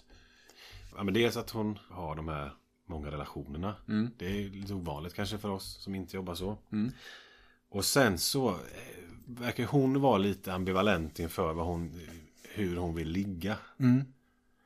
Det är ju någon scen där hon... Det Eller, är, eller hon, hon verkar vä- väldigt säker på hur hon vill ha det. Men inte säkert att det är sunt. nej, men exakt. Ambivalensen ligger väl i självbilden då. Ja. Ja, men hon, gillar att, att det blir så våldsamt så att hon blöder. Kan man säga. Ja, men då finns det till exempel en scen där det är, det är liksom en, en våldtäktsscen. Det går inte säga någonting annat. Nej. Och sen så ska, man, ska det vändas till att hon gillar det då. Alltså det där är ju alltid väldigt, väldigt problematiskt. Och det är ju inte i sig självt intressant. Tycker jag. Men sen finns det en annan scen som är nä, nästan visar samma sak fast då är det två som ligger med varandra och så är det, har de krossat glas emellan sig och så är det musik som ni ska få höra strax som inte alls spelar på lökighet eller eh, psykrock utan väldigt, väldigt sentimentalt och fint. Det blir ju väldigt intresseväckande och intressant. Ja men det är den italienska kontrasten här. Det är, alltså, det är samma sak som Lucio Fulci briljerar med i uh, Gates of Hell-trilogin till exempel. Fantastiskt vacker och nästan heroisk musik till gräsliga bilder. Ja. Lite samma sak här. Alltså det, det, det går verkligen in i huvudet på en. När, när man eh, förskönar någonting som är så eh, rått och fult. Och vi ska inte glömma då att det handlar ju inte bara, alltså det finns alltså det är någon som mördar kvinnor. Men, men det blir inte huvudsaken för den som tittar. Rimligtvis. Utan eh, man, man fastnar för andra grejer här. Ja men alltså karaktärerna gör ju saker på grund av att folk dör. Ja. Om man säger så. Det är den underliggande. ja. Tillsammans med att hon misstänker de här personerna som hon har i sin direkta närhet. Och de är italienska och hala på olika sätt. Ja, just. Om man ska lägga någonting under det här, eh, alltså den här erotiseringen av våldet som är problematiskt och eventuellt någonting negativt. Någonting som är bara bra med den här filmen. Så är ju det den fantastiska musiken. Som är skriven av en Nora Orlandi, kvinna. Troligtvis. Inte vanligt med kvinnor på den positionen i Italien 1971. Nej. Gissar jag. Nej, det gissar jag också. Du har skrivit här att eh, musiken funkar lite grann som i Hajen. Ja, men så upplevde jag i början. Att det blev som en, alltså... Man, vad kallar det? Är väl ett tema egentligen. Att man presenterar att nu är boven i närheten. Och, och den används så i början, men sen så går man ifrån det en del. Och det är väl ett sätt att betinga publiken. Just det. Men eh, oavsett så är det ju ganska intressant användande av det sättet att eh, använda musik då. Och sen tillsammans med att det är otroligt bra. För det är inte, det är ju inte likt hajen i fråga om spänningshöjande puls och sådär. Utan det är snarare sorgset och sentimentalt. Och vackert då till de här lite sunkiga bilderna återigen. Men jag tycker inte att, jag tycker inte att det, musiken gör ju inte eh, det tvivelaktiga sexet eh, vackert. Utan det gör ju det, alltså det, det spelar väl på det problematiska med det. Eller alltså den här självbilden, vad kan jag hålla på så här? Just det. Är det här rimligt? Mm, det finns en eh, ifrågasättande sorgsenhet Ja, i musiken. Och någonting som är väldigt fint här som ofta helt saknas i eh, eh, Giallo-filmer och framförallt saknas i den här omhulde Dario Argentos filmer. Det är ju att det är eh, alltså ledmotiv som dyker upp i olika arrangemang, i olika tempo, med olika instrument. Så man känner igen melodin men den är då varierad för att matcha det som skildras. Och, och där är agent och han har inte fattat det överhuvudtaget. Det, det blir alltid helt fel i hans filmer, vilket vi kommer eh, prata om eh, om en liten stund då.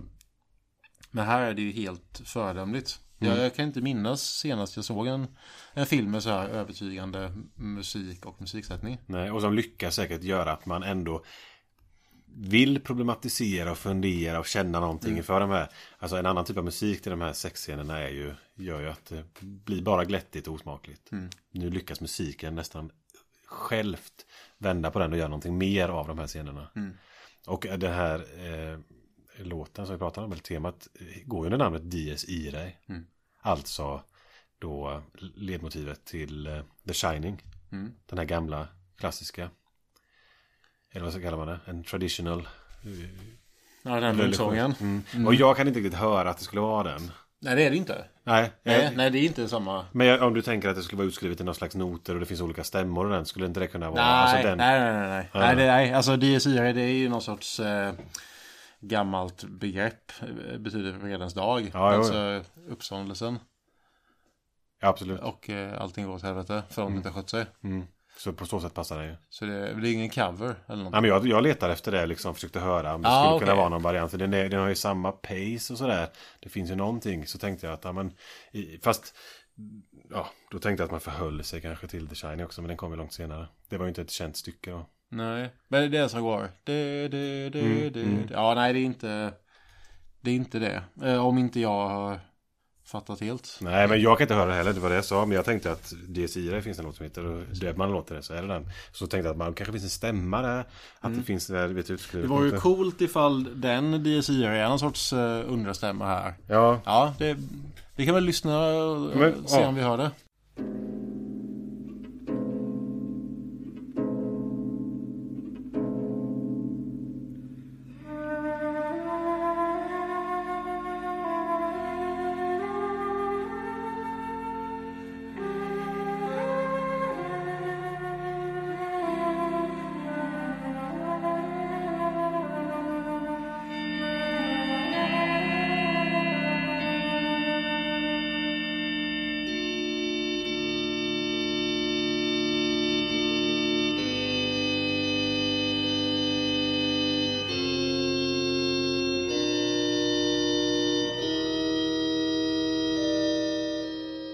Quentin Tarantino eh, gillar ju Giallo uppenbarligen. Och den här musiken Mm. lyfter han in i Kill Bill 2 i den här, det här utförandet.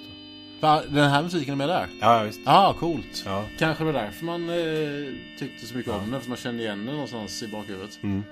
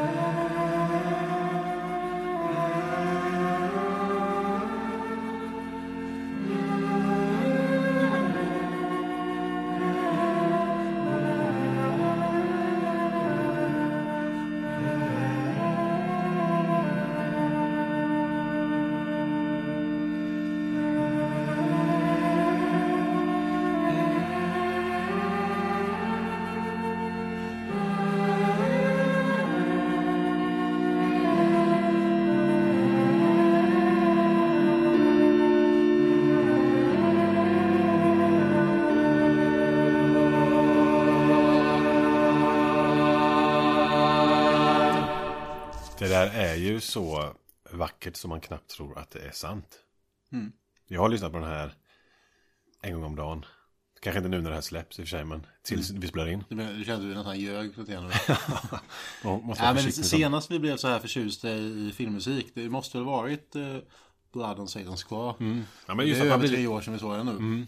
man att bli överraskad också, lite överrumplad av att det funkar så himla bra. Det har ju med det att göra också. Ja, alltså på pin skiv så kan jag väl säga att eh, jag nästan föredrar den här över den sista filmen ikväll som då ska vara den bästa. Ja, jag tycker nog ändå att det är det på sätt och Okej. vis. Men visst. Vad, vad, vad, är, vad är den italienska titeln här? Tenebre. Och vad är den engelska? Tenebre. Tenebrae. Det var den brittiska. Vad är den svenska? Tenebre. Ja. Det är 1982. Det är Dario Argento. Musik av Goblin. 7,2 på IMDB. Det vill säga jämnstarkt med Scream. Säg inget. jämnstarkt med From Dusk Till Dawn. Det tycker jag stämmer. Ungefär. Ja, ja, ja okej. Nej, men jag tycker nog från Dusty Dawn är lite, lite mer bättre. Det handlar bara om att gå in i det här med sänkt ribba. Jag sänkte ribban när jag kollade på den här. Ja, men och, Nu eh, nyligen. Det tycker jag var, det var liksom en bra film. Första gången jag såg den hade jag höjd ribba. Då, liksom, då gick jag in i upplevelsen med du ser, Alice Cooper tycker att Suspiria är världens bästa film. Ja, okej. Det- Och då blir det en besvikelse. nej, men, och vi, har sett, det, vi har inte sett dem exakt, vi har inte tittat på dem i den ordningen vi har presenterat dem. Men, har vi inte gjort. men nästan. Så någonstans här så har man ju vant sig lite vid Jallo-genren också. Jag har en teori om att eftersom den här är överlägset yngst och mer än tio år nyare än eh, flera av de andra filmerna så uppfattar vi den som dels bäst för att den känns mest bekant. Absolut. Dels bäst för att den är någon sorts bäst av genren. Men jag menar, vi var inne på Umberto Lenz och Lucio Fulci innan och även Argento. Det är ju här på 80-talet de gör sina grejer. Och det, det har väl delvis med att göra att man har bearbetat Giallo-arvet och gjort någonting med det. Tänker jag mig också. Och, och det går ju tillbaka på det du säger att det här är ju 11 år efter boomen. Så det här är nästan en sorts genrekommentar som Scream förhåller sig till de klassiska slasherfilmerna. Nästan ja. Ja. Mm. Ja visst. Och det finns ju ett metafiktivt anslag här. Eh, Det kommer man inte ifrån. John Saxon som vi är kompis med sedan den första Nightmare on Elm Street-filmen. Och från Enter the Dragon. Eh, Han spelar litterär agent som tar en berömd författare till Rom för att göra en pressturné. Och ungefär samtidigt som den här berömda författaren landar i Rom, ja men det visar sig att det går en eh, galning lös som kopierar morden i hans senaste roman, Tenebre. Mm. Fruktansvärt bra manusidé. Ja, det är det ju. Överlägsen bästa handlingen. Ja men exakt, det finns en helt annan typ av... eh, Det här, det är en handling som går att förstå. Ja exakt, och det här, för vi pratade om i Spasmo för att gå tillbaka till början. Så hittar de en docka, ja men det är coolt. Men vi får ingenting ut någonting av det. det. Vi kopplas tillbaka på det slutet men vi har inte, det ger ju inte oss handlingen så att säga. Nej. Men den här filmen handlar ju om detta. Och det är ju som sagt en bra idé som leder till en mycket bättre film. Eh, John Saxon, han, man vill ju att han ska spela mer fylld av pondus och, och han är lite mesig här kan jag känna. Ja, det här är inte hans eh, bästa rolltolkning. Nej, det är kul, kul att se han sådär. Eh, nu är det ju mycket IMDB det här avsnittet. Eh, men det må vara hänt. Lite plot keywords här. Eh, för den här filmen. Object stuffed into someone's mouth. Någon. Stuffing paper into someone's mouth. High heel in man's mouth. Det låter som min eh, Google-historik. Nej. Ja, ja alltså jag förstår mig inte på hur de där plot keywordsen eh, väljs ut eller... Nej, Vem som helst men det, det, alltså, det sitter någon så här nyrunkad autist i Wisconsin och bara bombar olika våldsfilmer med liksom fraser som stämmer överens med, med de grisigaste våldsinslagen. så, så är det. Ja. Till eh, IMDBs försvar då så ska ju säga att det fanns säkert 200 plot keywords på den här filmen. Jag valde ut dem som jag tyckte. Jaha, du såg det, för det dyker ju upp några. Ja, ja, nej, alltså det fanns eh, ett par hundra. Så det här var inte de som dyker upp direkt. Nej, det tror jag ju- inte. Nej. Nej, det var något något rimligare. Och så ska vi också till IMDBs försvar säga att allt det här händer ju. Det är inte hittepå. Mm. Nej, nej. Men det är ju inte, det är inte kärnan i filmen. Nej, men alltså ifall man ser den här och uppfattar det som känner filmen, då kan man ju klicka på High heel in man's mouth på IMDB och så får man upp ett antal andra rullar som innehåller den här typen av, av kommunikation då. Så kan man eh, hoppa vidare i kaninhålet. Mm, Jag är dålig där faktiskt på plot keywords. Det kanske är en, en djungel att utforska. Ja, Eller nej, det beror på hur specifik man är med sina önskemål. Ja, det här med paper i mouth, det vet jag fan alltså. Det känns inte så. Att man knycklar upp det och liksom, ja men det, det finns också där ute. Okej, okej, okej.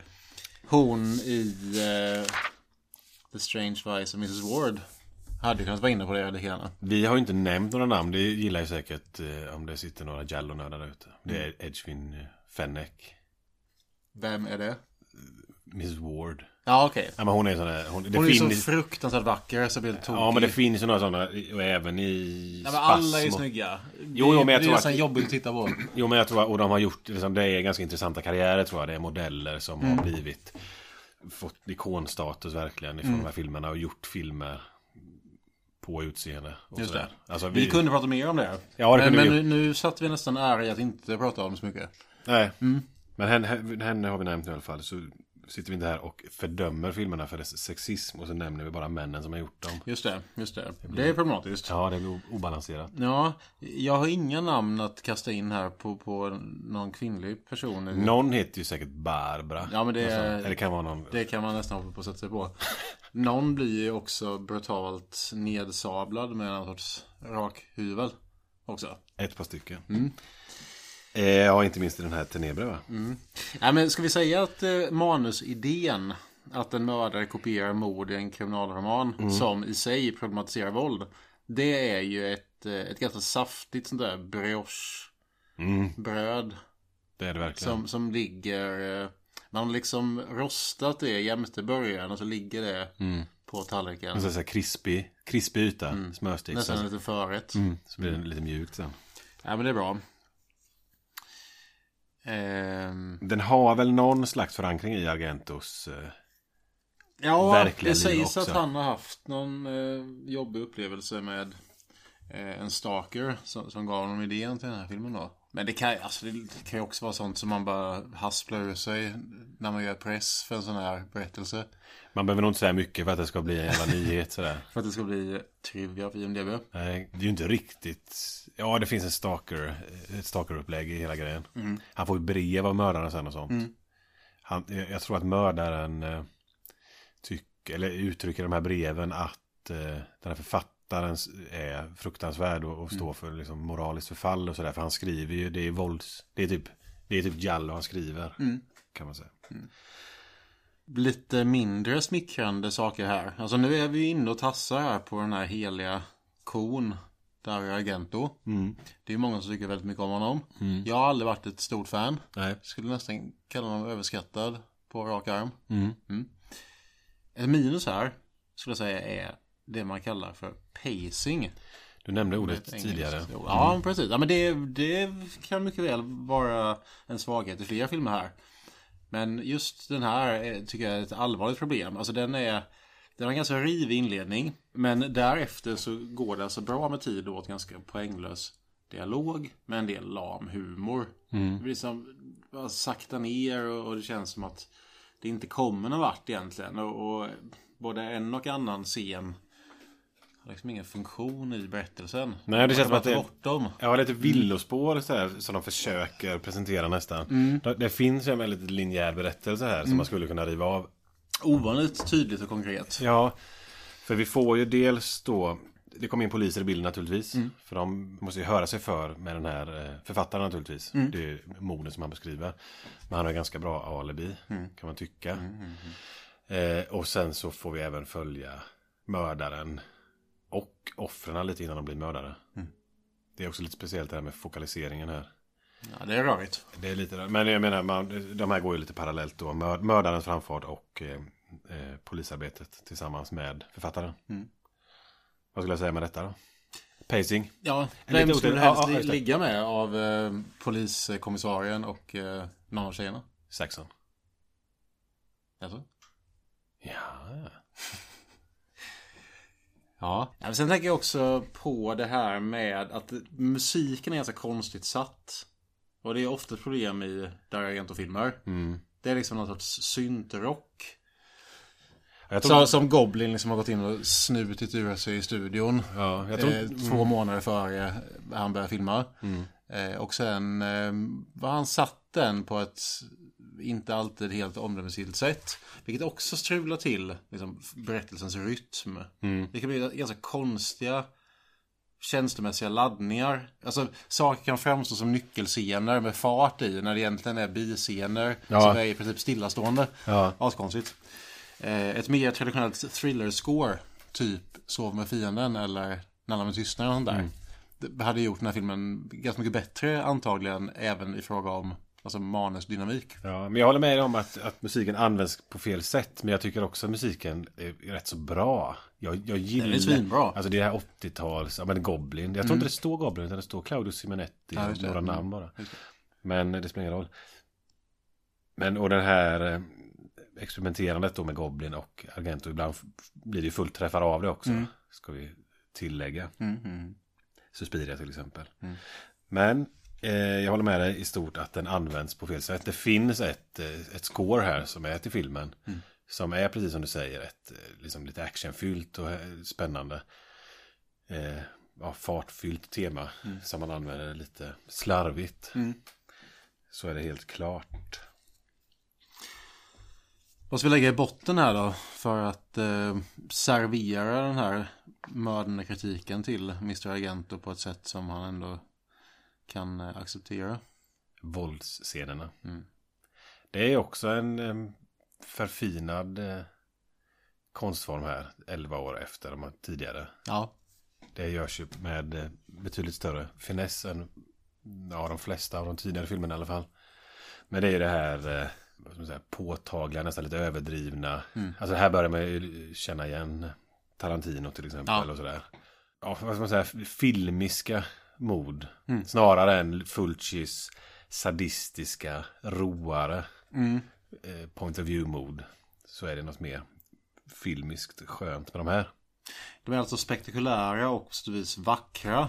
Både ja. som filmhantverk och som någon sorts makabra konstyttringar.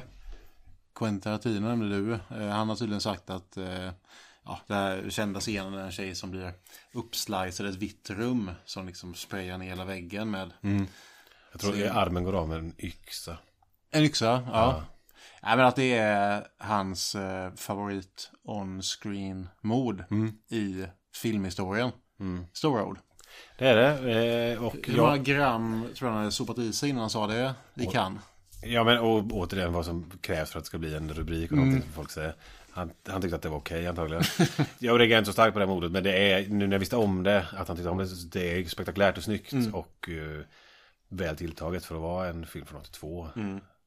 Och sen när man kommer alltså från Spasmo Mm. till det här så är det en helt annan timing Ja, exakt. och punch i klippningen i de här våldsscenerna också. Ja, för det är så jävla lökt de här gamla. Ja. Här, de, de tror att man inte ser tydligt om man inte så här, håller hela rakbladet länge vid halsen och så, här, så det blir något som inte stämmer. Ja men alltså de här tidiga och det kan man säga det är giltigt för mycket gammal film. Då är det mer en gestaltning av våld. Alltså, ja, exakt. Mm. Nu, nu dör någon här. Det, det fattar ni. Det är mer att informationen ska fram. Ja, men så, som Här, här finns det en, en sorts kroppslig Ja. Effekt. ja, men det är teaterfilm nästan Ja. skillnaden. Ja. Ja, Vi ska visa att någon dör, fattar ni eller? Ja, men jag, jag förstår vad du menar. Jag tror inte på det, men jag fattar. Fortsätt, berätta den här spännande historien som ni har i botten antagligen. Spasmo. Nej. Eh, Stackars Spasmo. Tänk om det var en person. är det twist här? Ja. Ja, det är det ju. Och det är en fasansfullt fin eh, så här, optisk effekt Minns inte. i revealen. Alltså verkligen när man inser, aha. Det är att någon står bakom någon Ja, ja. som liksom Mm. böjer sig ner. Ja, det ser jättebra ut. Nu har vi en hamburgare även till uh, Dario Argento. Mm.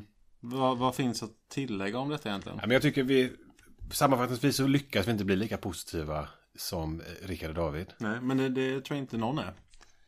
Nej, de, är, gör, det- de, gör, det, de gör sin grej bäst i Sverige, så är det bara. Eh, sen var det väldigt kul tycker jag att ta sig an det här från Beyonds Level 3 Jallo. Eh, och jag tar med mig att det ser bra ut ofta, det låter väldigt bra. Och man bygger filmerna på någon form av twist eller reveal hellre än en story. Och det är ganska genomgående på de här filmerna faktiskt.